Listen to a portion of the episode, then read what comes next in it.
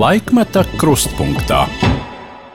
Esiet sveicināti raidījumā Laikmata krustpunktā. Jaunajā gadā Latvijas radio ir aizsācis jaunu tradīciju. Turpmāk, sestdienās, stundā no vieniem līdz diviem, mēs sarunāsimies ar ļaudīm, kuri ir daļa no Latvijas laikmeta, kuri ir pieredzējuši Latvijas vēsturē svarīgus brīžus, bijuši notikumu krustpunktā. Un kas svarīgi, kuru balsis ir dokumentējis Latvijas radio audio arhīvs jeb fonotēka. Šīs balss varbūt šodien tik bieži ikdienas ziņu raidījumos un publiski vairs nedzirdam, bet mūsu mērķis ir satikt un uzklausīt cilvēkus, kuru paveikto un teikto ir fiksējis Latvijas radio mikrofons. Pirms nedēļas mēs fonoteikas audio liecības klausījāmies kopā ar maistro Raimondu Paulu, kurš atcerējās arī savus pirmos soļus un akordus radio mājā. Šodien man ir prieks satikt un uzrunāt cilvēku, kura gaitas arī ir cieši saistītas ar radio māju Doma laukumā.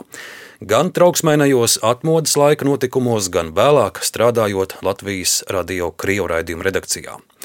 Esmu ciemos pie rakstnieces, publicistes, žurnālistes, reiz arī PSRS augstākās padomas deputātes no Latvijas Tautas frontes saraksta Marinas Kosteņeckas, kuras atdeve Latvijai novērtēt arī ar triju zvaigžņu ordeni un pats galvenais cilvēku cieņu. Labdien, Marina! Labdien, Arni, labdien, labdien, rādio klausītāji! Pirms mēs sākam klausīties radioarkīvu ierakstus un dzirdēsim jūsu balsi, arī pirms gadiem 40, man interesē, kā jums klājas šodien. Jūs zināt, es esmu optimiste, un es pateicos Dievam par katru dienu, kad es pamodos, un redzu vēl gaismu aiz loga, ja? un es cenšos uzturēt sev mūžo garu, un vēl turpinu radoši strādāt, jo jāsaved kārtībā visās arhīvs, ļoti daudz kas ir pieredzēts, un es uzskatu, ka šo to tomēr jāpaspēj vēl atstāt arī Latvijas vēsture aizpildīt nu, baltos plankumus, kuri nav varbūt pilnīgi aizpildīti, jo es daudz ko redzēju dzīvē. Un es to arī daru šobrīd vēl turpinu rakstīt pirms mēs sākam klausīties ierakstus un lūkojamies atmiņās, viena pavisam īsa mana atmiņa Latvijas radio. Es sāku savus pirmos darbiņus strādāt vēl skolas vecumā, būdams. Es atminos, tas bija trešais stāvs Doma laukumā blakus Latvijas radio ziņu dienestam. Un, un es jūs atminos, jums bija tāds mazs, mazs kabinets. Nu, es pat to nesaucu par kabinetu, tas bija tāds bunkuriņš, tāds ūķītis stūrī, kur jūs ļoti daudz un čakli strādājāt. Tie, tās ir manas atmiņas no 90. Jā, un tas bunkurīts, tad, kad man jau direktors kolats atļauj tur iztaisīt tādu Eiropu remontu, ja, es saucu, tas ir Luksemburgas Latvijas kontinentā, ja, maza Luksemburgas tāda paradīze. Bet īstenībā šīs bucenītes ir bijis padomju laikos, kā es vēlāk to noskaidroju, cenzora vieta. Tad, kad es zinu, ka es ieņemu cenzora vietu, tur, kur visi redaktori bija spiest iet akceptēt savus raidījumus pirms ierakstā, viņi gāja ēterā, jo padomju laikos tāds tiešais ēters vienkārši neeksistēja. Nu, ko ķersimies pie pirmā ieraksta. Es piedāvāju sākt ar uh, sarunu, kas ir uh, fiksēta 1992. gadā. Raidījums ir par dzīvu, politiku, literatūru, un jūs iztaujā publicists Atis Skalbergs, un kas zīmīgi, gluži kā šodien, šī saruna notiek šķiet šajā, paštā, šajā pat istabā. Paklausīsimies fragmentu. Marinas Kosteņeckas istabā divas sienas no grīdas līdz griestiem aizņem grāmatu plaukti, kur dažviet vairākās kārtās viens pie otra piekļāvušās, stāv grāmatas, bet uz tām dažādi zīmējumi, suvenīri, dāvanas. Viena no neparastākām - īsta kaķene, visai meistarīgi izgatavota. To man skolas lielākais huligāns uzdāvināja, atceras Marina. Un viņa man rāda citas bērnu dāvanas, pašu gatavotas, pārsvarā lelles. Tās atgādina neaizmirstamās tikšanās reizes, kad Marina ciemojās bērnu namos un veldzēja ievainotās dvēseles ar labu, ticības pilnu vārdu. un rakstniece man rāda medaļu, uz kuras atveidotas zemeslode ar visiem kontinentiem un katra kontinenta raksturīgāko ziedu. Tā ir visvērtīgākā medaļa, ko savā mūžā esmu saņēmusi, atzīstas Marina Kosteņecka. Medaļa ievietota glītā koka kastītē ar dzinta rotājumu. Kastītes iekšpusē rakstīts: Cilvēcisks paldies! Es apliecinu savu visaugstāko atzinību cilvēku mīlestībā. Šo medaļu ar numuru viens viņai pasniedz no Bāreņu biedrības 1988. gada 2. augustā Rīgā, pateicoties viņas patiesajām rūpēm par bāreņiem, par cenšanos atvieglot viņu likteņus. Pie sienas Marijas istabā liels Rēriha miera karoks, kur latīniski, krieviski un latviski rakstīts miers caur kultūru. Tā ir mana pasaules uztvere, mans karoks, saka Marina Kostaņecka un es ieslēdzu reportieri. Marina, jūs esat diezgan ilgu laiku klusējusi. Bija tāds laiks, ka jūs publicējāties cīņā, citos laikrakstos, uzstājāties rādio un televīzijā. Pēc tam jūs aizbraucāt uz Maskavu, uz toreizējās PSRS augstākās padomas sesijām un dzīvojot pa Maskavu. Tad arī bija ziņas un intervijas, bet pēc tam iestājās diezgan liels klusums. Kā izskaidrot šo klusumu? To klusumu jāizskaidro ļoti dabiski. Es nekad neesmu uzstājusies tur un tad, kur un kad mani negaida. Redziet, jūs praktiski esat pirmais žurnālists pēc ilga ļoti posma, kurš vēlējies man uzklausīt, piedāvāja man uzstāties radio, Jo tad, kad es piemēram strādāju Maskavā, PSRS augstākajā padomē, aizstāvot Latvijas intereses, cīnoties toreiz par Latvijas neatkarību, e, tad man bija pavisam cits status. Es biju pilnvarota nu, no saviem vēlētājiem, es biju pilnvarota no Latvijas, aizstāvēt Latvijas intereses. Es jau gribat, biju amatpersona, un mans pienākums bija, teiksim, laik pa laikam ziņot par to, kas notiek īsti Kremlī, kādas briesmas draud mūsu parlamentāriešu korpusam. Es runāju pašlaik par PSRS, Latvijas delegāciju, kas tur strādāja PSRS parlamentā. Jo tas dzīves posms bija ļoti svarīgs Latvijas neatkarības iegūšanā. Kaut par šodien mēs par to mēģinām visu varbūt tā aizmirst, noklusēt. Un lūk, tad, kad Moris savu bija padarījis, Moris varēja iet prom.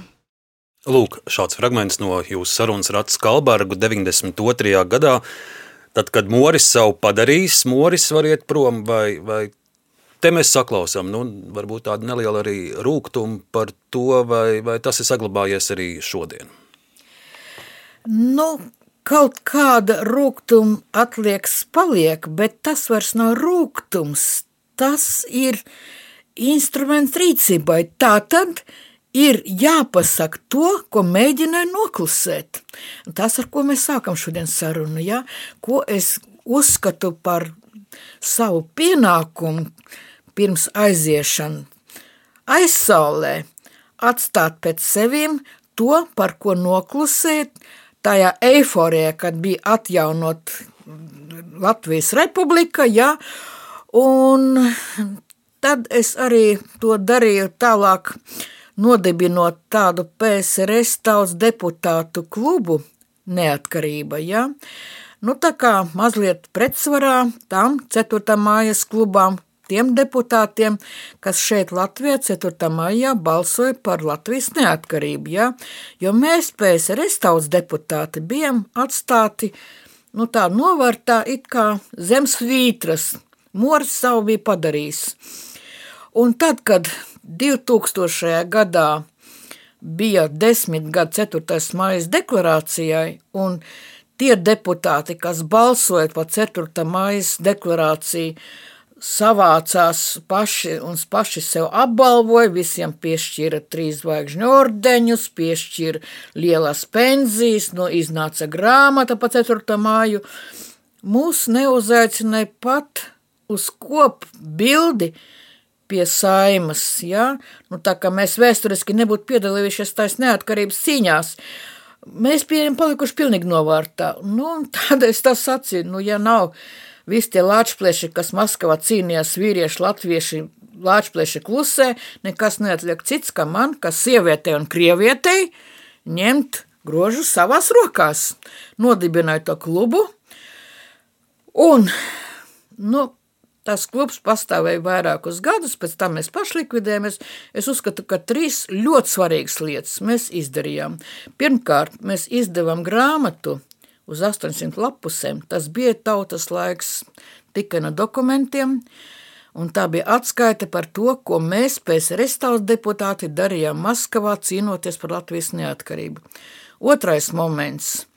Mēs bijām tie, kas piešķīra paspējām piešķirt trīs zvaigžņu ordeņus diviem izciliem Krievijas demokrātiem, tiem Krievijas demokrātiem, pateicoties kuriem bija pieņemts ļoti svarīgs lēmums Kremlī, un proti Ribbentropa-Molotova pakta slepena protokolu par neesošiem spēkā, neesošiem kopš pieņemšanas brīža – par to vajadzēja nevien pieņemt lēmumu, bet lai par to lēmumu nobalso tur divi trešdaļas no deputātiem, un tur bija pār par 2000 deputātiem tajā zālē Kremlī.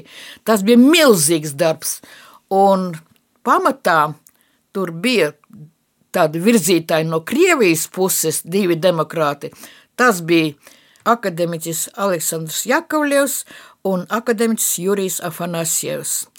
Viņi bija starpreģionālās grupas abi dalībnieki. Citu, es arī biju tajā leģendārā starp, starpreģionālā grupā kā deputāte.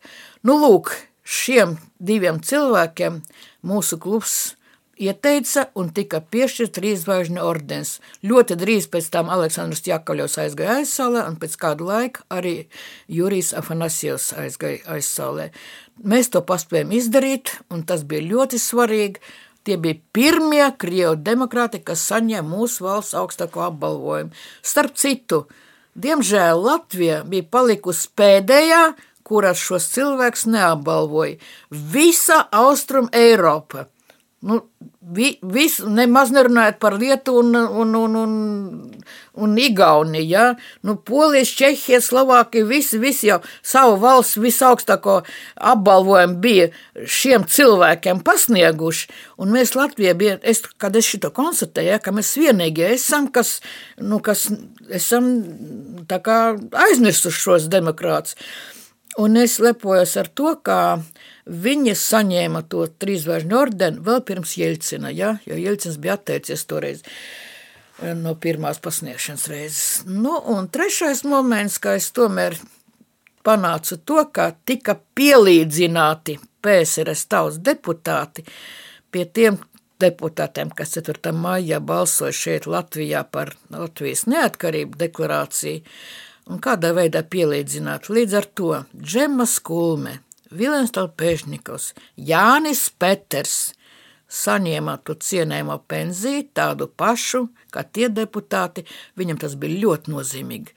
Jo šodien mums būtu kauns skatīties Jānim Peteram tāda maza pensija, kāda viņam bija piešķirta, jo nebūtu tā, viņš nebūtu pielīdzināts pie tiem 4. mājas deputātiem. Tas pats bija ļoti svarīgi Džemai Skulmei un Telpežņikam, kas raiso, un ļoti daudziem vēl pēc restāvs deputātiem. Nu, lūk, tās trīs lietas, ko mēs tajā klubā panācām. Marina, par uh, atmodas gadiem es jūs vēl, protams, krietni iztaujāšu, bet uh, man pašam interesē arī jūsu stāsts vēl pirms šiem trauksmēnajiem notikumiem, jūsu dzīve pirms atmodas, un es vēlētos uh, sākt ar jūsu saknēm, uzzināt, ko vairāk par jūsu senčiem, un gatavojoties mūsu sarunai, arī pats nedaudz palūkojos, ko es varētu atrast arhīvos. Marina, vai jūs pazīstat šo jauno kundzi pasas fotografijā? Bet tā taču laika mana mamma, tā izskatās. Tā ir jūsu mamma, redziet. Bet es pirmo reizi šo bildi redzu. Tā ir viņas pase, atjaunotajā Latvijā, izdota tātad 1920. gadā. Šeit jūsu mamma ir 17 gadi, un viņa rakstīta kā Katrīna Timofeja meita Aņisimova. Tā ir jūsu mamma. Tā ir mana mamma, bet es tiešām atpazinu, bet to bildi es pirmo reizi redzu pasē. Es pirmo reizi arī mammas pasi redzu. Nu, lūk, es jums viņu pēc tam atstāšu, lai jums ir piemiņa, un es jums gribu parādīt vēl vienu pasi, vienu kungu, vai jūs šo kungu atpazīstat? Un tas ir mans vecais tēvs, tas ir mammas tēvs. Timofejs Pavlovičs Aņisimovs, jā, otrās ģildes tirgonis Rīgā, uzcēla māju un, un vispār tirgoja. Jā. Nu, lūk, valsts arhīvā ir saglabājusies gan jūsu mammas, gan jūsu vecā tēva pasta. Tad vecais tēvs dzimis 1872. gadā Pēterpilī, kā šeit rakstīts, Pēterpils guberņā, un, un uh, šie dokumenti ir saglabājušies. Pastāstiet par savām saknēm. Jā, nu tad, tad eh, no tēva puses Sāksim varbūt no mācas puses. No mācas puses vecais tēvs bija tirgons, nu tagadējā valodā teikt biznesmenis, ja? un viņš Latvijā sāk darboties kā tirgons tieši 19. gadsimta pašās beigās, ja? viņš tā kā toreiz bija Rīgā, nebija ne trolejbus, ne tramvai, bet bija ormaņi, ja? tad viņš tirgoja sienu un auzas, var sakot, nu, degvielu tiem, tiem, tiem zirgiem, ar kuriem orma, ormaņu pārvadāja rīdzinieks. Ja? Viņam bija uzcelta māja e, Lielpiena ielā 16. Ja? No vienas puses tā māja bija trīs stāv, no otras puses četri stāv, tāpēc, ka tā abām pusēm četri stāv pietrūka naudas. Ja? No nu, tāda mūra māja uz 24 e, dzīvokļiem, Un starp citu, tā nu sanāca vēlāk, ja, ka tieši tajā mājā, nekāda ne slimnīca, nekur mājā dzīvokļi, es piedzimu 20. dzīvokļi. Tad, tad, tā ir lielā piena iela, tā māja joprojām ir saglabājusies? Ir, ir vēl saglabājusies, lai cik nebūtu brīnumaini, ir, es tagad arī vēl pirms pāris gadiem aizbraucu, ja, un, un, un redzēju savus, savu dzīvokļa logus. Nu, iekšā dzīvokļi negāja, tur jau, protams, dzīvo citi cilvēki, jā, bet nu, aiz tiem logiem es nācu pasaulē savā vectēva mājā. Nu, tas ir atsevišķs tas. Nu, un, ja ņemam no tēva puses, ja tē, no tēva puses tēvs nāk no Ukrainas, no Gluhaus, tā ir Ukraiņa teritorija, rietum, rietum Ukraiņas teritorija. Un tēva Tēvs ir pareizticīgo mācītājs, lielā dievnamā virs, virsmācītājs viņš bija. Nu, un e, tad, tad Tev, tevs bija mācītājs dēls, tāpēc viens pret padomju varu viņš jau bija ienaidnieks padomju varai, kā nu, nepareizi izcelsme viņam bija, tāpēc viņš bija represēts pirmo reizi kā mācītāja dēls. E, tēvs ir beidzis Maskavā Maskavas университет, его императорского высочества universitet, jā, vēl, vēl cara laikos, un līdz ar to tas bija otrs noziegums mana tēva, ja, ka viņš ir cara laikā beidzis to augstskolu. Es tagad vienkārši pasaku mazliet par saknēm, ja, kāpēc tas tēvs tika gana, ganīts pietiekam daudz padomju savienībā. Viņš ir nokrājis, viņš nonācis Latvijā kara laikā, bēgļos no Pleskavas apgabala, tad, kad Vācu armija ļoti ātri iekaroja jau izgāja cauri Latviju un bija jau Pleskava apgabalā. Un manam tēvam pēc kārtējā apcietinājuma bija liekts dzīvot kādā no galvaspilsētām, Maskavā, Sanktpēterburgā, toreiz jau Leņņģerādā, Maskavā, Leņņģerādā vai kādā republikas galvaspilsētā. Viņš drīkstēja dzīvot tikai provincē. Un viņš bija izsūtīts uz Pleskavas e, apgabalu. Un tad, kad vācieši tur iegāja, nu, vācieši dzina darba spēku uz rietumiem, e, darbspējīgus cilvēkus vēl.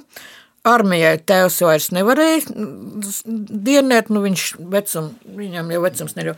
Viņš nebija iesaukts armijā, un vācieši viņu atzina šeit uz Latviju, un tā viņš runās Latvijā. Un te viņš iepazinas ar manu mammu, un te viņš 44. gadā Rīgas katedrāle arī laulājās likumīgā laulībā, un eh, pēc gada nāca pasaulē arī es Kaut gan pirms mēneša, pirms manas piedzimšanas, tēvs kārtē reiz tika apcietināts, represēts, piespriezt 20 gadus gulaga.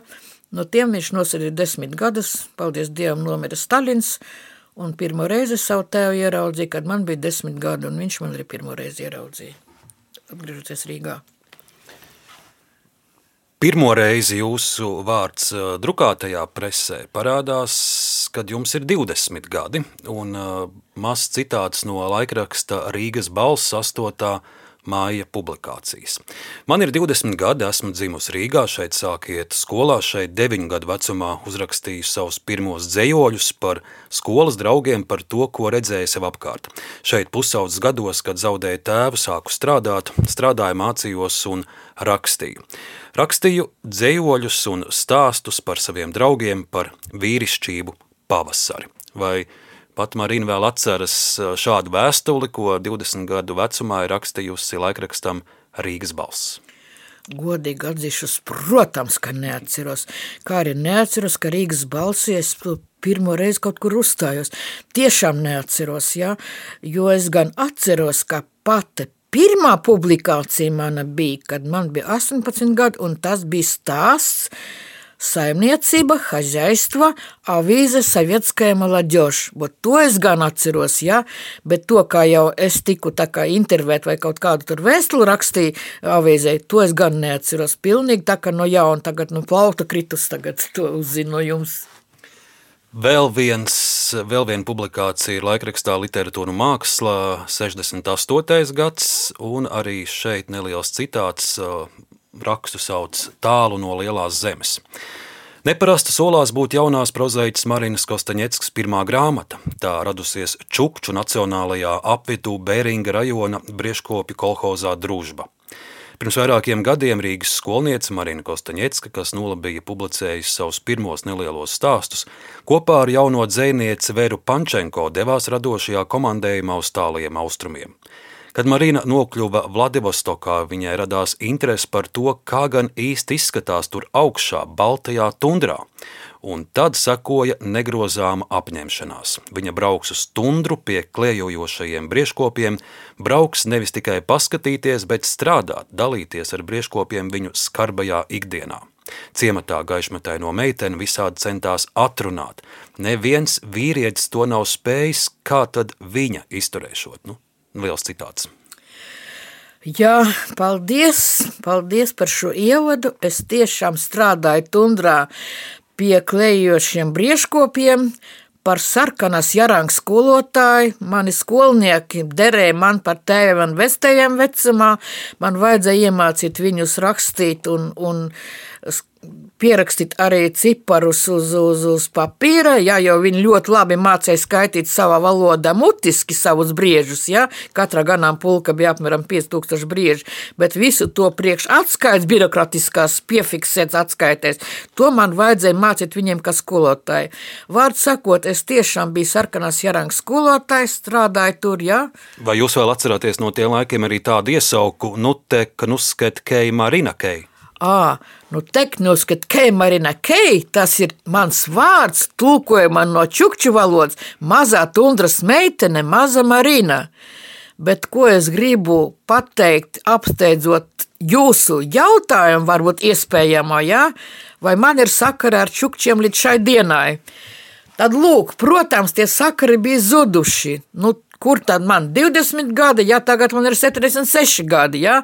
bet tieši pirms gada pēkšņi mani caur internetu uz e-pastu uzmeklē, sameklē viens čukčā. Mēs esam pieraduši smieties par čukčiem, cik čukči tie dumji, par čukčiem anekdotas stāstīt, ja, cik mēs esam gudri. Ja. Pēkšņi čukčā caur internetu atrod man un prasa, vai jūs vēl atceraties tādu toliku, ja, es esmu gan Čeivitegins, gan Toliks, jo redziet, padomju vara deva bērniem, nu, krievu vārdus, ja, bet Čeivitegins, viņš ir pēc uh, čukču vārds, viņam Čeivitegins ir dots. Ak, kungs, kā es viņu varu neatcerēties, viņam bija trīs gadi, un viņš klejoja kopā ar vecākiem tundrā. Un tad, kad es atbraucu, un man mugursomā bija iebezinētais piens burkās, burkās viņš man prasīja, Gita Maļeko Varken, vai tev ir iebezinētais piens? Un tagad, pēc 50 gadiem, viņš pēkšņi mani atrada, jā, ja? un es biju tik laimīga, es viņam rakstu, jā, Protams, es tevi atceros. Es prasu, kā tur maniem skolniekiem ir. Viņš saka, nu visi ir aizsālē, nu, čukši tik ilgi nedzīvoja, visi ir aizsālē. Bet viņš ir briežkopjā pēcnācējs, kurš mani sameklē, un viņš saka, mēs jūs atceramies, jūs esat leģenda, un tundra jūsu vārdu atcerās, nu tehniski, kad Kemerinu atceramies, un viņš man jautā, vai jums ir telefonā vai WhatsApp, vai es varu jums sūtīt bildes. Es biju vispār šokā. Čukči no tundras man prasa, vai jums Rīgā ir WhatsApp telefonā. Un viņš man šobrīd sūta tās bildes, ja, un viņš tagad brauc tur ar vezdihot pa tundru, nevis ar suņpajūgiem, ka es savā laikā uz, skolu braucu savu skolu ar suņpajūgiem un briežpajūgiem. Viņš ir pirmais čukotka fermers izrādās, ja tas šeit teigins, bet pēc 50 gadiem viņš mani sameklē un paziņoja, ka mani vēl tur atcerās. Bet es esmu lasījis vienu stāstu, ka jums viens tik vēls uh, čukču pielūdzējs bija, ka viņš pat līdz Rīgai sakoja, nu tie gan bija jaunības gadi.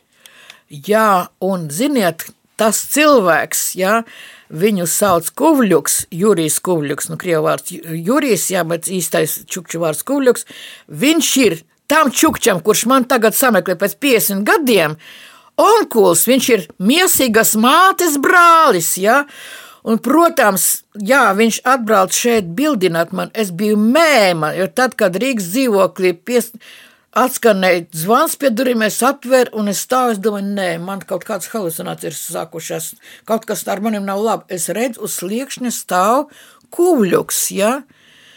Tad, kad es braucu no, čukču, no čukčiem prom, man ar baržu veda uz kuģi, ar baržu no, no krasta. Viņš stāvēja krastā, māja ar roku un kliedza, ja praidu uz zemļu, ja naidu тебя. Es iziešu cauri visai zemē, es tev atradīšu. Pēc dažiem gadiem viņš stāvēja uz Rīgas dzīvokļa sliekšņa, tik mierīgs, tāds kā indiānis, jā, tāds, nu, он саци, я сказал, что я пройду всю землю и найду тебя. Я нашел тебя. Viņš brauc jūs bildināt, ja? Jā, jā. Pie tam viņš pats jau bija apmeties viesnīcā. Tas bija kaut kas neticams. Cilvēks pirmo reizi mūžā lidoja lidmašīnā. Vairākam lidmašīnām var sakot no savas tundras līdz Magadānai, no Magadānas līdz Maskavai, no Maskavas jau ar vilcienu līdz Rīgai. Pats iekārtojas viesnīcā cilvēks, kurš par lielo zemi varēja zināt tikai no kinofilmām. Viņš ir gan beidzis astoņgadīgo skolu ciematā, bet tālāk par ciematu nekad nav bijis. Atbraukt Rīgā, bildināt mani, ja? Nu, diemžēl viņš tad divus mēnešus nodzīvoja un sapratis, ka viņš nekad nevarēs šeit dzīvot iesakņoties un dzīvot bez saviem briežiem, bez saviem sniega tundras klājumiem. Un es sapratu, ka es arī visu mūžu nekad nevarēšu dzīvot tundrā, jārangā, jā. Un tā mēs izšķirāmies, bet tagad, kad man atrakstīja viņa māsas dēls un pateica, ka pēc 50 gadiem man atcerās, un es uzzinu no viņa, ka Jurijs ir miris, ko jūs prasījāt, ko es šobrīd daru. Konkrēti šobrīd es tikko pabeidzu otro izdevumu savai grāmatai Saltas sejas mēnesis, kura būs ļoti ekskluzīva izdevuma izdota, tāda ļoti ekskluzīvs izdevums. Un tur būs viss, visas manas fotogrāfijas no čukčiem, un titulapā būs rakstīts Светлой памяти моего друга Чукотского Ленивада Юрия Кувлюка. Un šī grāmata aizies Magadānas bibliotekām, ne tikai Magadānas, arī Čukčus bibliotekām, jā, un tas būs mans paldies tam cilvēkam, kurš brauc man bildināt un mana cieņa Čukču tautai. Šī grāmata, kuru katru dienu iznāks tagad jau tipogrāfijā. Un tas uh, galvenais mērķis, galvenā doma uh, jums dodoties uz tālo čukču zemi, kāda bija? Jūs zināt, es tagad varu tā godīgi atklāt pateikt, ja? Nu, toreiz es to visu sēdzu padomju laikos, 60. gados, protams, ar romantiku, jā, un tā kā nu, padomju jaunatni vispār strādā tur, kur viss sarežģītāk vieta ir, jā. Īstenībā es gribēju kaut cik izbaudīt uz savas ādas to, ko izbaudīja mans tēvs. Tēvs gan bija Vorkutas šahtās, bet arī šeit, nu, tā tad rietumu, to rietumiem, jā, bet aiz polāra lokā arī un desmit gadus taisa polārā joslā šahtās viņš ir gulagā pavadījis. Tad, kad viņš mira, man bija 16 gadi, tikko, tikko palika 16 gadi. Mama man aizved, aizveda atvadīties no viņa uz onkoloģisko dispanseru. Es toreiz nesapratu, kas ir onkoloģija, kas ir vēsts, to es nekā nesapratu. Es nesapratu, ka mama man aizveda atvadīties. Un viņš vairs nevarēja piecelties gultā. Es viņam lasu dzējoli, ko es pati uzrakstīju viņām par pavasari. Un tā, un viņš pasaka man, Mans pavasaris meitiņa ir jau aizgājis, tavs pavasaris priekšā. Šobrīd tu no maniem kaunies. Pienāks laiks, kad tu ar manim leposies. Tie bija pēdējie vārdi, ko viņš man pateica. Pēc divām dienām viņš aizgāja aizsaulē. Viņš lika mammai, tad, kad es palikšu pilngadīgā, 18 gadu vecumā, atdot man visas mammas vēstules, kuras viņš apbrīnojamā kārtā ir saglabājis desmit gadu laikā, no pirmā līdz pēdējai gulagās apstākļos saglabāt visas vēstules. Es otru tādu gadījumu nezinu. Un viņš lika tas vēstules mammai, lai viņa man atdod pilngadības laiku gadā, lai es uzzinu, kas viņš īsti ir bijis, jo es biju padomju pionieris, augusi kā bez mazai Pavlika Rozova māsa, tā mani audzināja, ja, un es tiešām neprātīgi mīlēju tēvu un vienlaikus kautrējos no viņa, jo nu, viņš atgriezās no turienes, no kurienes viņš atgriezās. Tad, kad es sāku tās vēstules lasīt, man mamma atdeva viņas 18 gadu vecumā. Es gandrīz sajuku prātā. Es izlasīt līdz galam viņas nevarēju. Un tad es sacīju, man jābrauc, jāpiedod piedošanu, savām tēvām, man jānonāk tur, kur bija viņš. Nu, tagad es to varu atklāt pateikt, jo te nebija tikai romantika, jā, Un tāpēc es varēju, teiksim, ja es gribētu garo rubli kaut kādu nopelnīt, ja es būtu ciematā strādājis un tur daudz labāk varēju nopelnīt nekā tundrā, tam skolotājiem bija minimāla alga. Bet es gribēju tiešām tādos apstākļos būt. Nu, Tevs bija gulagā, es biju klejojošā brigādē, ja, kā jauna meitene, protams, tie bija neiedomājami apstākļi, par dušu nerunāsim. Vienkārši, vienkārši lai uzvari tēju, vajadzēja ledu sazāģēt uh, uz upes, ja, un tad ar brieža ragiem kurinājām uguns, kur var sakot, tādos apstākļos dzīvot jaunai meitenei. Bet tā man bija, lūdzu, piedodu tēvs. Un pēdējā piedošanas cēliens bija tad, kad es izdevu grāmatu Vēstules no mājām. Un tā ir mātes un tēva saraksts, un viņa iznāca gan krievu valodā, gan arī latviešu valodā. Un es ceru, ka viņš man debesīs tur piedēva. Marina, par uh, jūsu grāmatām, par jūsu stāstiem Latvijas radio fonotēka glabā divus ierakstus. Senākais ir 1977. gadā ir ierakstīts uh, jūsu stāsts Baltās kāpas, tulkojuma autora Ruta Zviedra, un otrs stāsts, kas glabājas radioarkīvā, ir Sena dzīvnieka kauli. Tekstu lasa Dina Kuple, un radio tas ir ierakstīts 1982. gadā. Paklausīsimies fragmentu. Līdz ar rudenes iestāšanos žurkas kļuva pavisam nekaunīgas. Pretīgās radības okupēja māju, caurām naktīm kavalērijas galopā drasēja pa darbnīcu, saplēs glazūras burku, nolējot ar šķīdumu jau apdedzināt kafijas servīzi, un beigu beigās antru nolējuma nelūgtās viešņas sadzirdīt ar kanģu. Varbūt paģirmokas nešķīsteņas izmēzīs no mājas. Kur zemnieka Lūcija vēl vasarā ar pašbrūvēto tika aizmaksājusi par trīs litru krūzi – ko komisija bija izbrāķējusi divu glazūras burbuļu dēļ. Salonam tas var būt tiešām brāķis, toties Lūcijas virtuvē pirmšķirīgs rotājums. Krūze kurzemniekos ieņēma goda vietu uz galda, ko sēdz saplaisājusi vaskadrāna ar izzisušu rakstu. Bet vecās apsīšmājas jaunā saimniece par pūlēm saņēma zaļu alus pudeli, piepildīta ar duļķainu šķidrumu un stingri aizkorķēta ar papīra prapu. Šo pudeli tad Antra arī atcerējās oktobra beigās, kad pēc bezmiega nakts uzkāpa istabas augšā un ieraudzīja tur mētājamies tukšu konzervu buņģu. kādu šausmu nakti viņai nācās pārdzīvot šī nekaitīgā skārda gabala dēļ.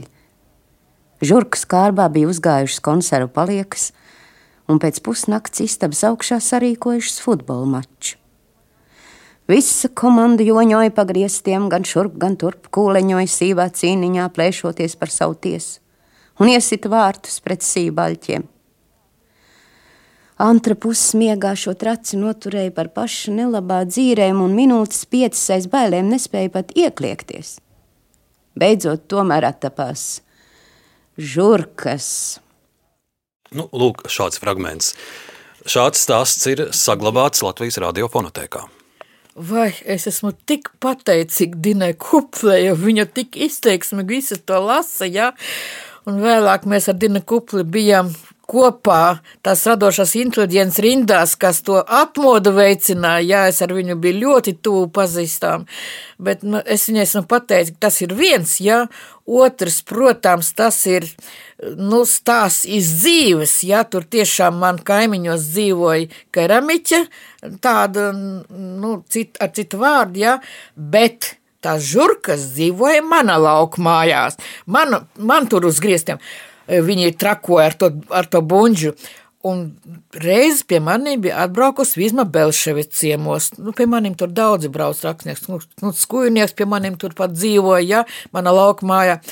Un tā naktī tā žurks ar to buļbuļsu tur trakoja. Es no rīta vizmai saku, vizma, piedod, tu visu nakti laikam negulēji, man tur tas žurkas zina augšā.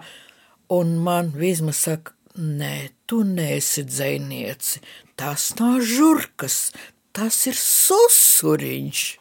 Un kopš tiem laikiem, priekš vizmas, es biju susuriņš. Un viņa man parakstīja visas savas grāmatas mīļajam susuriņam no veca susura. Nu jā, nu tad, tad šīs fragments man atgādināja tiešām īsto, īstos notikums, jā, manās mājās, bet, nu, priekš vizmas Belševidzēniec, tas bija susuriņš. Vēl kāds fragments aptuveni no šī paša laika posma. Latvijas radio raidījums eh, jautā atbild vērtē lasītājs, tāds skanēja 1984. gadā, un jūs intervēja žurnāliste Genoveva Bērsone. Lūk fragments. Raidījums, manuprāt, tiešām nebūs par Marinu Kostiņiecku, bet par mūsu kopīgo rūpi un nevienu vienu. Arī tematiski šis raidījums būs it kā turpinājums mūsu iepriekšējai sarunai par mīlestību – bet jau konkrētāks un varbūt atbildības pilnāks, rūgtāks. Sarunā tiks izmantots jūsu vēstules, jautājumi, kurus esat adresējuši rakstniecei jau iepriekšējos raidījumos. Lai jums vieglāk un siltāk runāt šodien, es iesākšu ar pateicības vārdiem no dažām vēstulēm. Nu, lūk, te ir vēstule, pēc kuras, ja mēs vadītos, tad raidījumam eh, nu, nebūtu lemts skanēt, jo Mūsu klausītāji raksta tā, ko jautāt Marinai Kosteņeckai. Nevis jautāt, bet ar cieņu un mīlestību liekt galvu viņas priekšā, ka viņai sāp nelaimīgo bērnu liktenis, ka viņa par tiem domā, iet pie tiem un cenšas tos iepriecināt. Cik labi būtu, ja daudzi tā justu, varbūt viņas rīcību ierosinās uz pārdomām tos, kam ir teikšana. Un iespējas ir vēl daudz bērnu, kuri nīkst un nīkst alkoholiķu ģimenēs. Nu, pat tās pagājis gads, kopš ir nopublicēts mans pirmais raksts par šo problēmu, reportāža no bērnu dienas zemes. Es varu atgādināt, ka viņš bija nopublicēts 8., 9. un 11. decembrī. Tad, tad pilns gads pat nav. Un tas, kas ir noticis sabiedrībā par šo gadu, pārsteidza mani pašu un Tas pārsniedz visas manas cerības, kādas es varēju lolot, tad, kad es rakstīju to rakstu, ka nebūtu tukši vārdi. Tikai es varēju jums arī pateikt, ka septembra beigās žurnāla Dāģa redakcija bija organizējusi tādu apaļo galdu, kur aicināja cilvēkus, kuriem ir tieši teikšana par tām problēmām. Es par to arī atreferēšu savā rakstā padomu jaunatni, kurš, es ceru, būs nopublicēts decembrī. Uh, Bet tur, piemēram, piedalījās veselības aizsardzības ministra vietnieks eh, pediatrijas jautājumos. Piedalījās izglītības ministra vietnieks, piedalījās prokurors par nepilngadīgo eh, noziedznieku lietām, piedalījās vairāki cilvēki no iekšlietu ministrijas, piedalījās no sociālnodrošināšanas ministrijas pārstāvi. Un tā saruna bija ļoti būtiska. Mēs sanācām nevis vienkārši, lai parunātu un acīs viens otram paskatīties, bet pilnīgi ar konkrētiem priekšlikumiem. Un tad tur arī bija pateikts, kāda lēmuma ir pieņemti jau uz šo brīdi, lai uzlabotu to stāvokli, lai tiešām uh, ātrāk varētu tos bērnus, kas nīkst, kā raksta šī lasītāja, alkoholiķa ģimenē, izņemt no tādām ģimenēm un ievietot bērnamos. Nu, lūk, tik tālu fragments 1984. gads. Jūs iztaujā žurnālisti Keneve Bērsonu, un šis fragments mums palīdz atgādināt arī ļoti būtisku daļu no jūsu dzīves, kur jūs veltījāt grūti audzināmiem bērniem, kā viņus dažkārt sauc, vai bērniem no nelabvēlīgām ģimenēm. Jā, tie, zinat, tie bija mani zelta laiki, jo es uzskatu, nu, varbūt tas skan ļoti tā pašpārliecināti, jā, bet es padomju, savienībā biju pirmā, kura par šo tēmu sāk runāt, proti plašā vārds nozīmē es sāku runāt par bērnu gulagu. Bērnu gulags, tas ir vesels komplekss visādi bērnu audzināšanas iestāžu padomi laikos, sākot ar bērnu namiem, un beidzot ar grūti audzināmiem bērniem, pat ne pusauģiem. Pusauģi bija jau Cēsu kolonijā puikas, teiksim, un meitenes Alsviķos spēcskolā, bet e, no 9 līdz 14 gadiem bija vēl tāda skola, spēcskola priekš grūti audzināmiem puikām, un visas šos, piedodiet, tas salas tai gulagā presēji sāku atklāt es Latvijā. Vēlāk noskaidrojās, ka es biju arī pirmā padomju savienība, kas, kura par to runāja. Un paradoks pastāv iekš tā, ka es esmu krievu rakstnieks. Es visu rakstu krievu valodā tekstus, un visi mani teksti tiek tulkot pirms viņi publicēt latviski. Bet Krievu avīzes šos rakstus baidījās drukāt, jo krieviski lasa arī Maskavā. Un latviešu presē, un tas bija pamata divas avīzes, padomju jaunatne un literatūra un māksla, redaktori ļoti riskējot bieži šos rakstus tomēr publicēja. Nu, un vēlāk jau tas aizgāja arī pa visu padomju savienību, bet vēlāk noskaidros, ka pirmie raksti parādījās Latvijā. Un tā reakcija bija no tiem ierēdņiem, kurus es tagad tur pieminu, ne, ne es pieminu, bet uh, Genevefe Bērsona pieminu, ja, ka bija pulcējušies. Nu, tā bija reakcija, jo sabiedrība pēc pirmā raksta bija tā pacelta spārnos, ja kaut ko tādu uzzināt, ka padomju savienībā pastāv bērnu nami, mums tikai stāstīja, ka padomju bērni ir vislaimīgākie visā pasaulē, laimīgāk par viņiem nekur pasaulē nav, Amerikā tur tie bērni viss cieši pūst un, un, un strādā uz ielām tur un, un vārds sakot, Mums tikai laimīgie bērni visi, un pēkšņi izrādās, ka mums ir tāds gulaks, ja?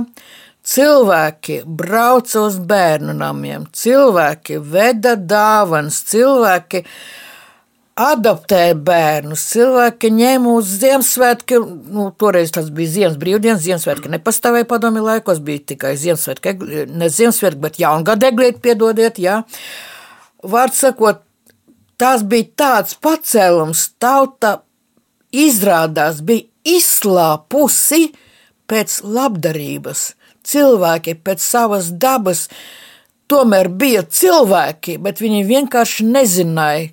Un tad, kad es mazliet pavērtu aizskaru un parādīju to bērnu gulagu, sabiedrība bija kājās, un tas bija mans pirmais solis atmodas sākumā. Ja? Jo tālāk man iznāca braukt pa visu Latviju, man aicināja uz visiem bērniem, man aicināja uz pansionātiem, kur nedziedējami slimie bērni ārsties. Tas arī viens no Gulagas salām, bērnu Gulagas salām, jā. Un mēs uzzinājām arī par spēcskolām, par, par palīgu skolām. To arī nekad presē nekur nerakstīja, ja, ka garīgi atpalikušie bērni tādās palīgu skolās mācās. Pēc tam Laima Žurgina pēc mana scenārija uzņēma dokumentālo filmu Negaitais pīlēns cilvēkā bērns, jā. Nu, un jā, es varbūt pirmā biju tā, kura par to sāka runāt.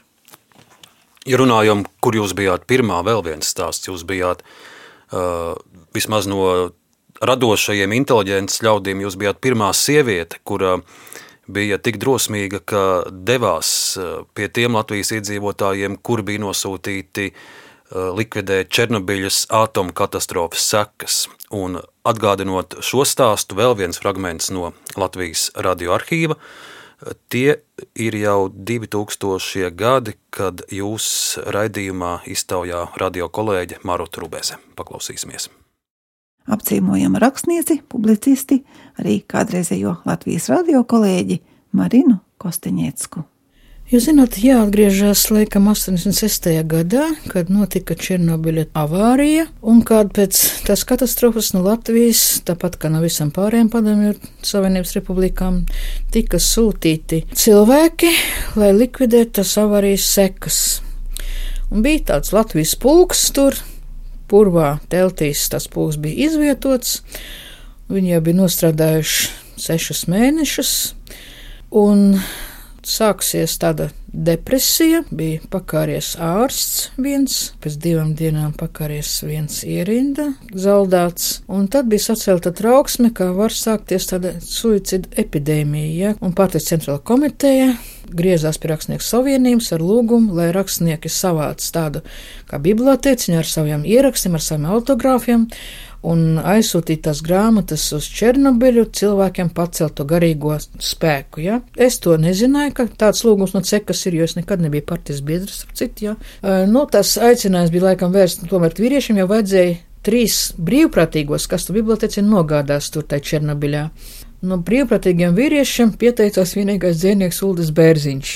Tad nevis brīvprātīgi, bet pēc partijas disciplīnas līnijas tur nosūtīja arī žurnālista Andris Proģi, kas bija tajā brīdī uz ļoti īsu brīdi literatūras un mākslas galvenais redaktors, un trešo nevarēja atrast brīvprātīgo. Un kaut kurā pirms tam vakarā es stāvēju pie Matīs tirgu trolēbus pieturā, gaidīju savu trolēbus, lai brauktu uz purciem. Pēkšņi ļoti labi atceros, kas bija sestdienas vakars. E, man pienāk klāt Uldis Bērziņš pēkšņi un prasa, vai negrib pirmdien lidot uz Černobiļu. Es tā paskatos, viņa saka, joko, joks ir nevieta, ja es saprotu, kas ir Černobiļa, jā. Ja? Un Ulas bērniņš tādā ļoti mērena, mierīgā balsī man stāsta, ka Latvijas pulka ir sācies tur tas suicids, un tad divi mēs esam sarunāti, ka svedīs tā bibliotēca, tad trešā nav, viņš vēl nepabeidz visu to savu stāstu, tad mierīgā ļoti balss, ka es sacīju, jā, protams, ka es lidoju, es būšu trešā. Ja? Tas bija mans pirmais ceļojums uz Černobiļu uz trim dienām, tas bija trīs diennaktis, ja, kad es tur parādījos visu savā dēļumā, jā, toreiz populārā rakstniece tajā purvā, un tie černobiļieši ieraudzīja, kas te ņecko starp viņiem, jā, es jutos bez mazliet tā kā Nataša Rastova savā pirmajā ballē, jo, ja tajā purvā būtu kaut kāds sabiedriskais transports, trolēbus vai tramvajs, man liekas, ka viss pulks būtu pieceļies, lai iedot man vietu, jā. Ļoti labi atceros, es tā ļoti lepni saku, un tā laikam esmu vienīgā sieviete šeit. Un viņi tā kautrīgi saka, nē, mums vēl viena kuce ir. Tā var sakot, viņam bija uzdevums iznīcināt visus klejošus suņus, ja, nu visi apstarot suņi, ja. Viņam roka nepacēlās to vienu kuci iznīcināt. Tā bija ļoti mīļa, var sakot, divas sievietes bija viena kuca un Marina Kastiņētas skatēja pulkā. Lūk, šāds fragments no 2014. gada sarunas ar Maru Trubēzi. Es jums, Marina, teikšu atklāti, man tas bija nezināms fakts, ka, ka arī šāda epizode Černobiļa ir bijusi jūsu dzīvēm. Jā, un es Černobiļā biju vēlreiz, jau tad, kad es biju PSRS tautas deputāta, un tad, kad mums bija jāpieņem likums par černobiliešiem, jo jāsaka, bija maksāt kaut kādas pabalstus par to veselību, ko viņi zaudējuši tur tie likvidātori. Un es strādāju augstākajā padomē tādā komitejā, Комитет по делам ветеранов и инвалидов. Un tur bija nu, tikai ģenerāli un maršāli mums, ja, PSRS maršāls, teiksim, Kulikovs, ja. Tad tur bija ģenerāli. Mēs bijām tikai divas sievietes. Nu, tad sacīja, ka vajag kādām aizbraukt no mūsu komitejas uz Černobiļu, apsieties, kā tur izskatās šodien viss jau, jo, lai to likumu pieņemtu. Un tad tie ģenerāļi un tie maršali sacīja, Nu, tā, nu, jūs jau tur esat bijusi vienreiz, nu, tad jums, jums arī būtu jābrauc. Un tad es atkal vienīgā sieviete komitē, es braucu otrreiz. Un tad es tur divas nedēļas pavadīju. Vai, vai šie, vai Černobīļa vēlāk arī ietekmēja kaut kādā veidā jūsu veselību? Nu, šobrīd es esmu atzīta oficiāli Černobiļas cietušā, un man invaliditātes pirmā grupa ir saistīta ar Černobiļas diagnozi. Ja? Un tas, ka es šobrīd esmu ratiņkrēslā, tas nav ne insults, ne arī kaut kāda autokatastrofa. Ja? Tas ir oficiāli atzīts ar Černobiļiešu ārstu izmeklējumiem, visiem veiktiem Stradiņa klīnikā. Ja? Man ir Černobiļieša status. Ja? Bet es esmu ļoti laimīga, es neko nenožēloju. Esmu ļoti laimīga, ka es tur biju Jo man ir tāds viens apbalvojums, tad, kad es strādāju Latvijas radio Doma laukumā, ka redaktori man bija pašai savs raidījums sestdienās, un pēkšņi vienu dienu man uz kabinetu, ne, ne uz studiju, ne tieši uz kabinetu, man zvana telefons, un runā kāda sieviete un saka, vai jūs nevarat savā raidījumā pateikt, ka tāda un tāda tur datumā būs bēres doktoram Serebrovam, viņš ir černobilietis. Man aizrauja elpa, saka, kā Leonids Serebrovs arī jau ir aizsaulē. Viņa pēkšņi sāk raudāt, viņa saka, jā, es esmu Serebrova meita.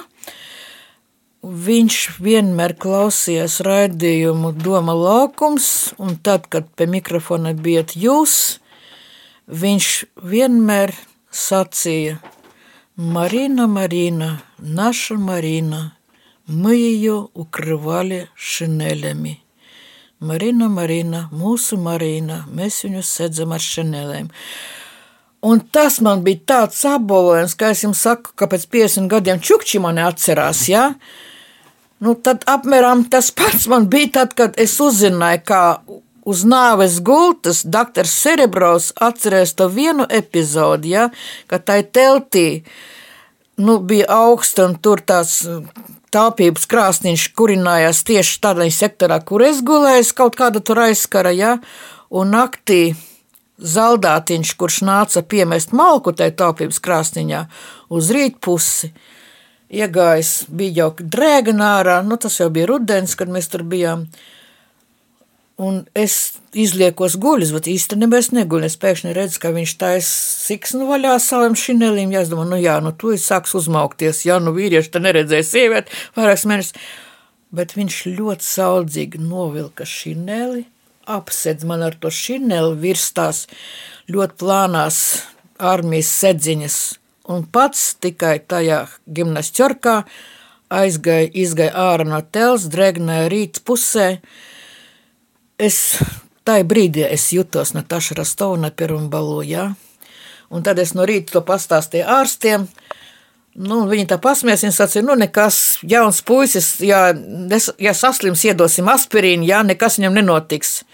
Bet pēc daudziem gadiem, varbūt tie bija jau pār 15 vai 20 gadi, jā, es pēkšņi uzzināju, ka uz nāves gults ārsts sacīja Marina, Marina, mēs viņu sedzam ar šineliem, jā.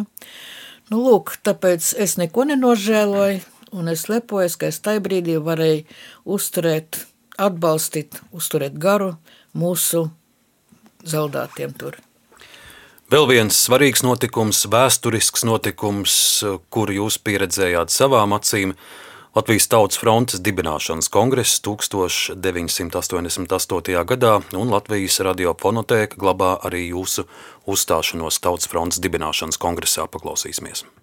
Krievu rakstniece un publiciste Marina Kostaņecka. Nu ir pienācis lielais atmodas laiks. Īstenībā tas ir sācies gandrīz visā valstī reizē. No centrālās preses paskopas informācijas mēs tomēr zinām, ka demokrātiskas kustības, kas ir līdzīgas mūsu tautas frontei, šobrīd veidojas ne tikai Baltijas republikās, bet arī Maskavā, Jaroslavļā, Irkutskā, tālajos austrumos un daudzos citos valsts reģionos. Un es ticu, ka drīz pienāks laiks, kad Krievija sauks mājās savu pazudušo dēlu.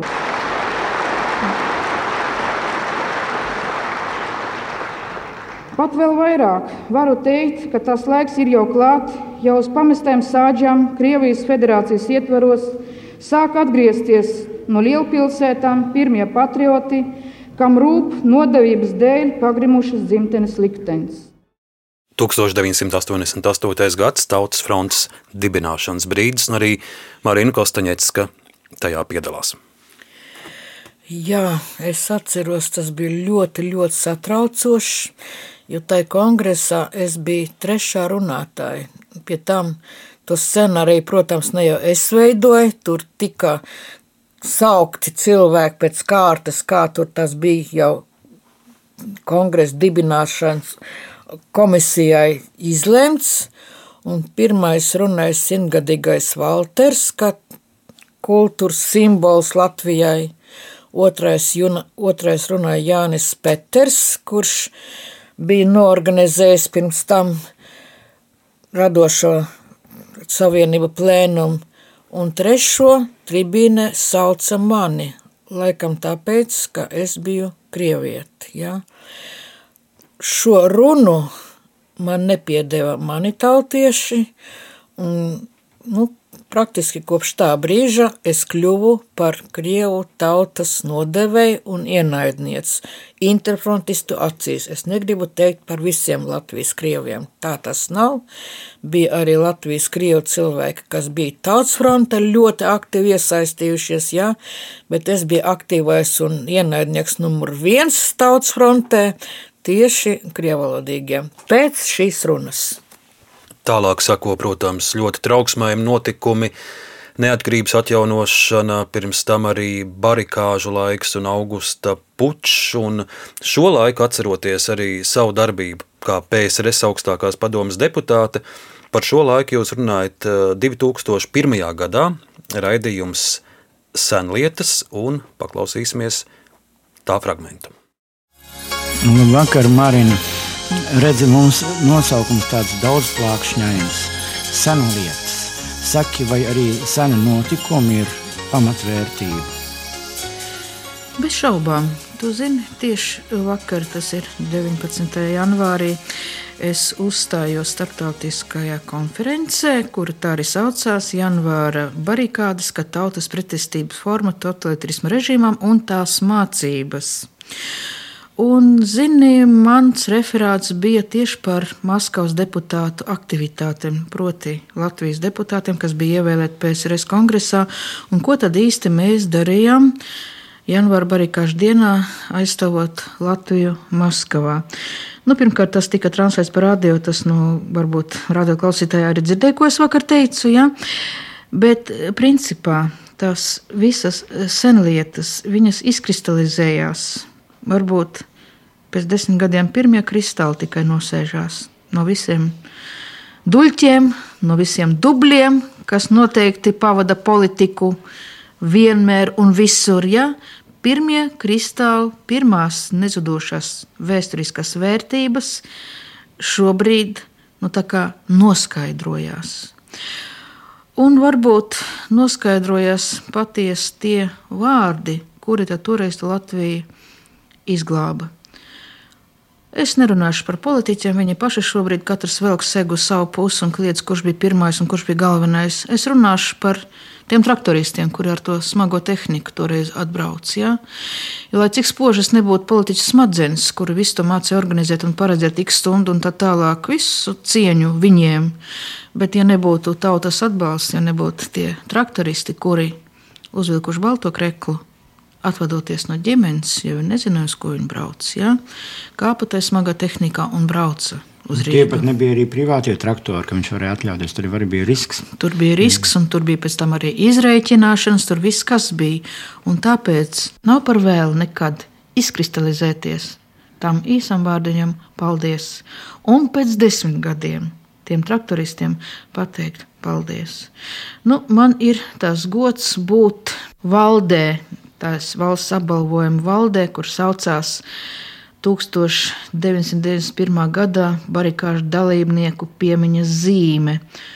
Un tieši šīs dienās, visu janvāru praktiski, es kā valdes locekle, jo pēc likuma šo apbalvojumu drīkst pasniegt tikai valdes locekļi, tātad mēs braukājām pa visu Latviju, pateiktiem traktoristiem to paldies. Lūk, šī saruna pirms 20 gadiem, un droši vien tieši tos pašus vārdus jūs eh, teiktu un atkārtot arī šodien. Protams, protams, jā. Un es esmu lepna ar to, kā viss dra dramatiskākajā naktī, tad, kad gaidījām barikāžu laikā uzlidojumu, Alfas uzlidojumu Zaķu salai, proti televīzijai.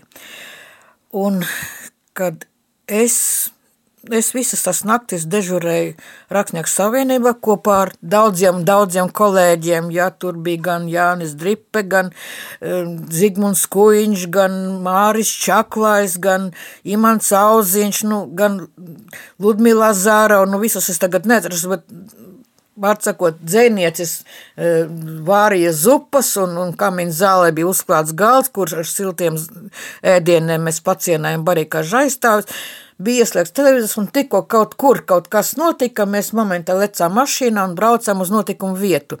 Un tajā naktī, tā kā draudēja tas uzlidojums, alfas uzlidojums uz Zaķas salu, mēs arī uz Zaķas salu bijām aizbraukuši. Un ļoti labi atceros, ka mm, tieši pie torņa, tur tā kā tumšāk, ne pie paša studijas korpusa, ja, bet pie torņa tur tālāk. Um, nu, bija tā, ka mums likās, ka tur cilvēki tā kā novartā atstāt pie tiem ugunskuriem. Un es piegāju pie ugunskura, un man tur atpazina kāds. Nu, es biju tajā laikā PSRS tautu deputāti, mm, uz to brīdi barikāžu laikā es biju Rīgā, uz Rīgā atbraukus, un man atpazina, un pēkšņi viens kliedz tur nu, tumsā, tai atsālu tumsā. Šeit ir mūsu deputāti, nesiet šurpu to grāmatu, šurpu to grāmatu. Es nesapratu, pa kādu grāmatu, ko, ko tur jānes, jā. Nu, īsi vārdu sakot, man pasniedza grāmatu, starp citu viņa man šeit ir, es jums viņu varu uzrādīt pilnīgi, jā. Starp vērtīgiem, starp vērtīgiem dokumentiem. Ja? Pārkārtošana un jauna domāšana mūsu valstī un visā pasaulē. Autors Mihails Gorbačovs. Latviešu valodā tā grāmata ir izdota. Nu, grāmata, ka grāmata, man šo grāmatu tur zaķsalā tai liktenīga naktī atdod, bet es viņu atveru, un pirmajā forzāts lapā Krievu valodā ar dažām gramatiskām kļūdām raksta latvieši, bet Krievu valodā Gorbačovs varētu pats izlasīt, ir uzrakstīta vēstuli, ja? skaidru un gaišu ar visu cieņu tam Gorbačovam, ja? nu viņi saka, nu, бeidzās tā vēstule ar vārdiem «Нам очень жаль», Поэтому посылаем обратно эту книгу сказок. Мы уже повзрослели. Mums ļoti žēl, tāpēc nosūtām atpakaļ jums to pasaku grāmatu. Mēs jau esam izauguši. Un skaidrs paraksts, ja? Tukuma jāru, rajons, Jaunpilsēt, Jaun... Jaunpils. Jaunpils, ja? Jaunpils, jā. Jā, Tukuma rajons, Jaunpils, jā, iedzīvotāji. Sāku šķirstīt grāmatu tālāk, Katra lapuse paraksti skaidri salasāmi ar adresēm, ar, ar veltījumiem Gorbačovam, ja, ar, ar vārdiem kaut kādiem nopietniem, un, un neviens vārds nebija rupšs, ja, Viss ir pieklājīgi, jā, ar ironiju, bet viss ir pieklājīgi. Viss tā grāmata, un tad, kad man liek to grāmatu, saka, ja mēs šonakt paliksim dzīvi, ja, jo gaidām to, Un, jo, ja jūs atgriezīsieties Kremlī, atdodiet šo grāmatu Gorbačovam. Mēs to pasaku grāmatu viņam, jā, atdodam. Mēs vairs neticam pasakām. Jā, mēs palikam dzīvi. Jā, es atgriezos Kremlī. Jā, es redzēju Gorbačovu, tā kā es tagad redzu Arni. Tikpat tuvu mēs bijām. Jā, jā man grāmata bija padusē. Un tad, kad man bija jāatver muti, es pēkšņi sāku runāt ar viņu par kaut ko citu, jā, Nu, kaut gan tā nebija tāda, ka teija padzeršana, ka vienkārši varēja tā pieiet pie Gorbačovas uz pleca un parunāt ar viņu. Ja? Jo, ja deputāts nāk klāt, viņam kaut kas ļoti svarīgs sakāms. Ja? Neatceros, ko es tur samurgoju, ja? nu, īsti kaut ko pateicu un gāju nost, jo rinda man jau aiz kaklas, tā, aiz muguras stāvēja jau uh, citi deputāti ar savām vajadzībām. Jo pēdējā brīdī es sapratu, ja? mēs vēl neesam brīvi. Ir vēl janvāra beigas, 91. gada janvāra beigas. Augusta puķa priekšā vēsturnieks neviens nevar paredzēt to, kas notiks augustā. Ja? Un tagad es atdošu šo grāmatu, kur ir skaidri salasami vārdi un uzvārdi, kur ir norādīti rajoni un kolhozi, no kuriem cilvēks ir sabraukuši. Un es pati būšu lielākais stukačs, ja dzīve mēs palikam, un tagad es nodošu to grāmatu, kur momentā nonāks kompetentās, var sakot, Protams, es to grāmatu tā arī aiznesu, atvedu, un šodien viņa stāv manās mājās. Kā redzat, tepat pie rokas viņa stāv, ja pie vissvarīgākām grāmatām. Nu, kādreiz, kad es beigšu savus dzīves gaitas, protams, viņai jānonāk būtu muzejā, laikam barikāžu muzejā, jā, bet laik pa laikam, nu, šī grāmata man stāv tā kā bībele pie rakstām galda. Jūs redzat, jā, pie datora galda, laik pa laikam es viņu pārlasu, jo tas man ir ļoti liels svētums šī grāmata. Tautas paldies, un te paldies tautēts ar šo grāmatu. Un Marina, liels paldies jums, ka jūs šo stāstu izstāstījāt tieši šajā nedēļā, šajā laikā, kad mēs atceramies barikāžu notikumus.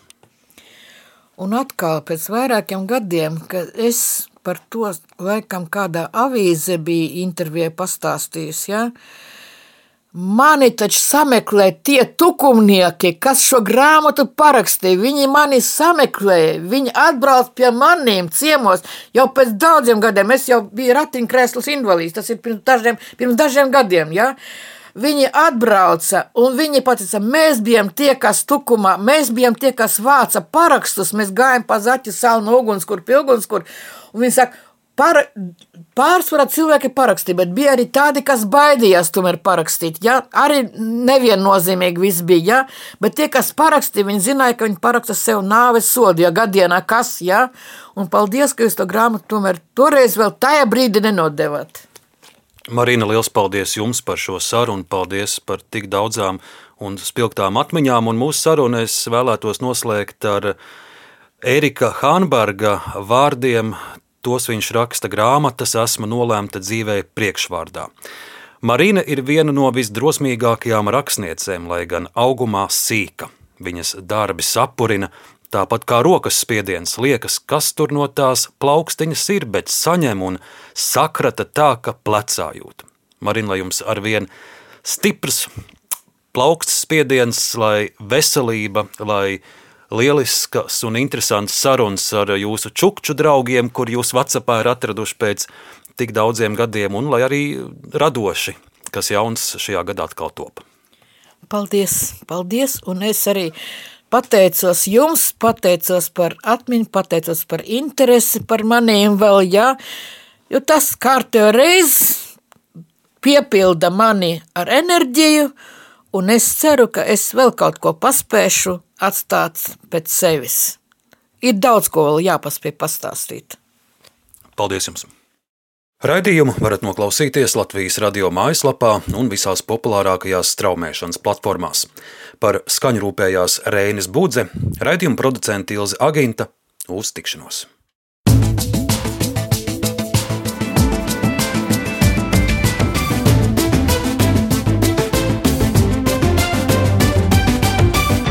Laikmeta krustpunktā.